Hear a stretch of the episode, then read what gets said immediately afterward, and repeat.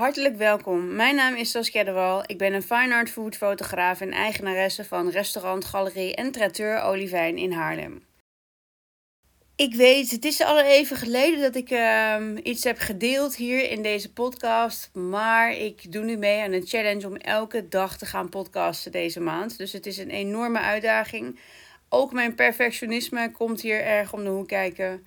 Um, om dat los te laten. Want dat was eigenlijk de reden waarom ik dus de vorige afgelopen jaar eigenlijk niks meer gepost heb. Te perfectionistisch.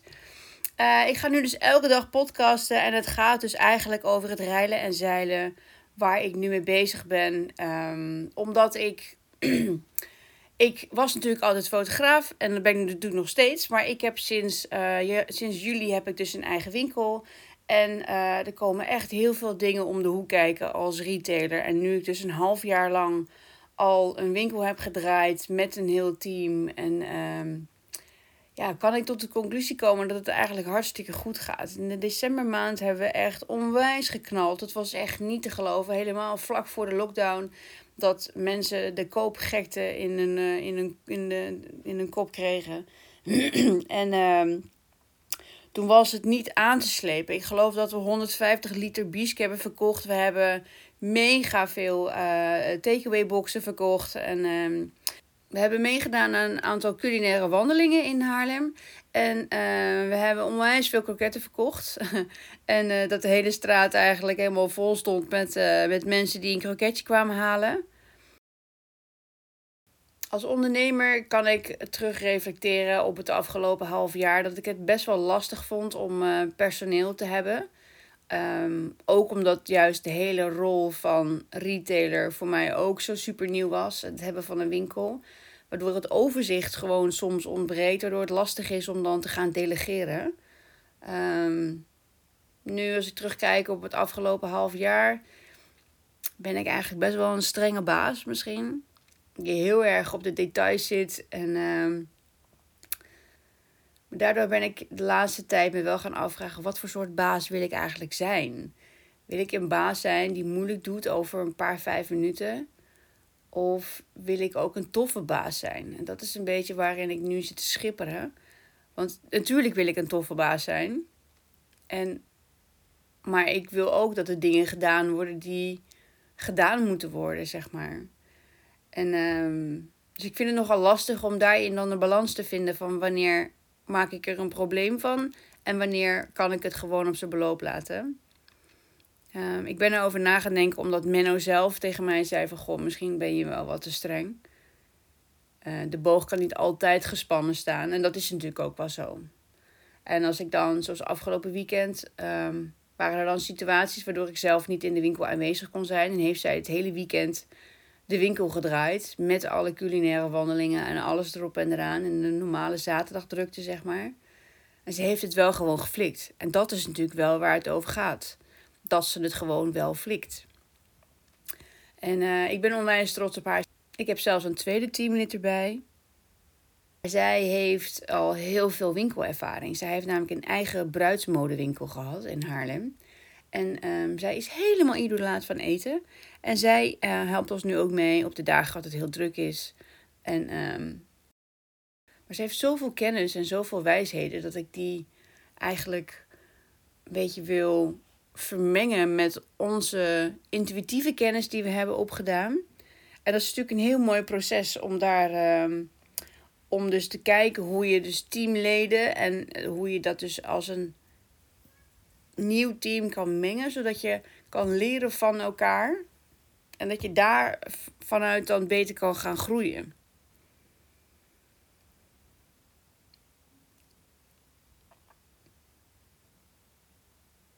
HR-management is eigenlijk ook gewoon echt een hele aparte tak van, van mijn bedrijf.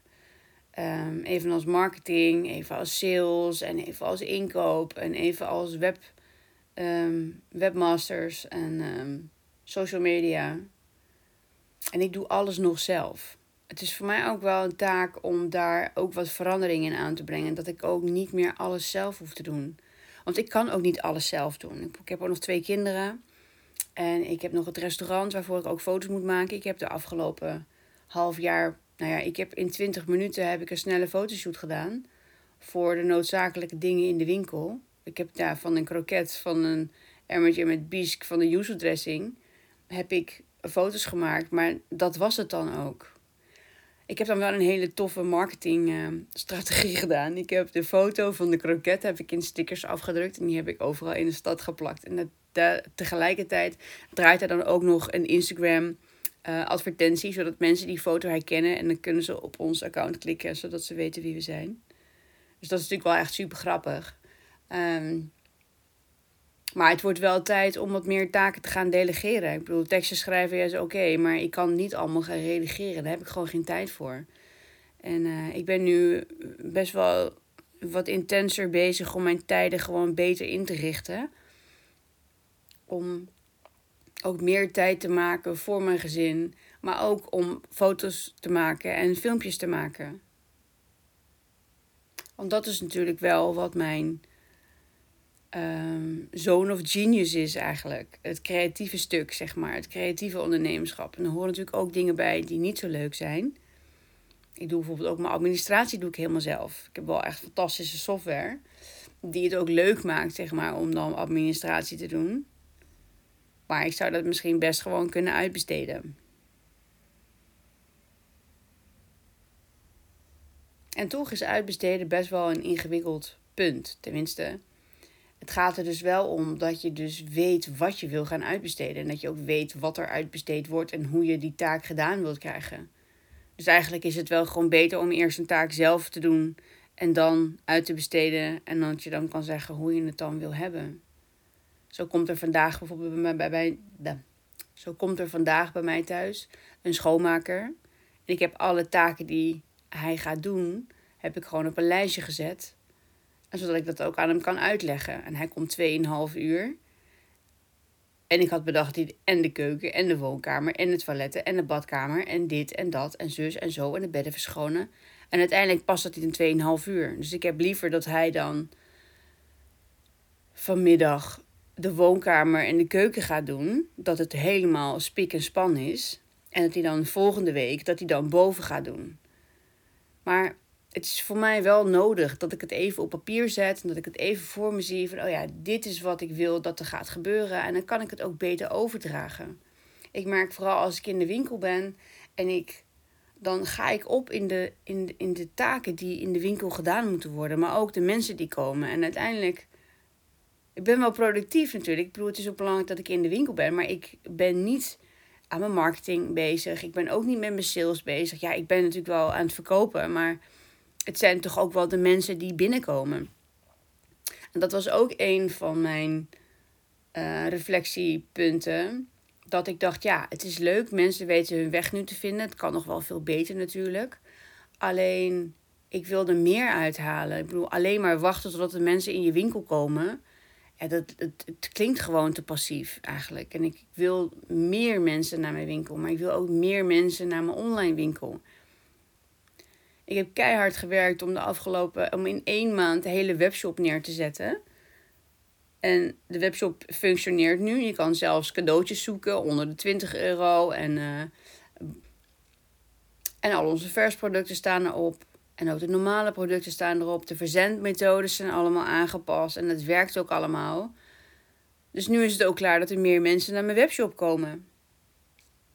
Maar met alleen Google adverteren kom je er ook niet. Er zijn zoveel manieren om die conversie hoger te krijgen.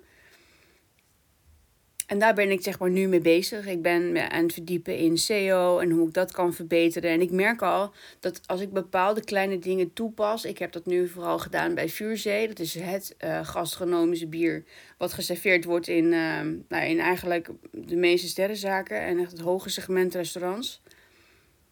En wij zijn de enige in Nederland die het mogen verkopen. Dat is natuurlijk super tof. Maar ik heb, op dat product heb ik uh, de SEO helemaal aangepast. En ik zie ook gewoon dat dat is het meest bezochte product wat er is.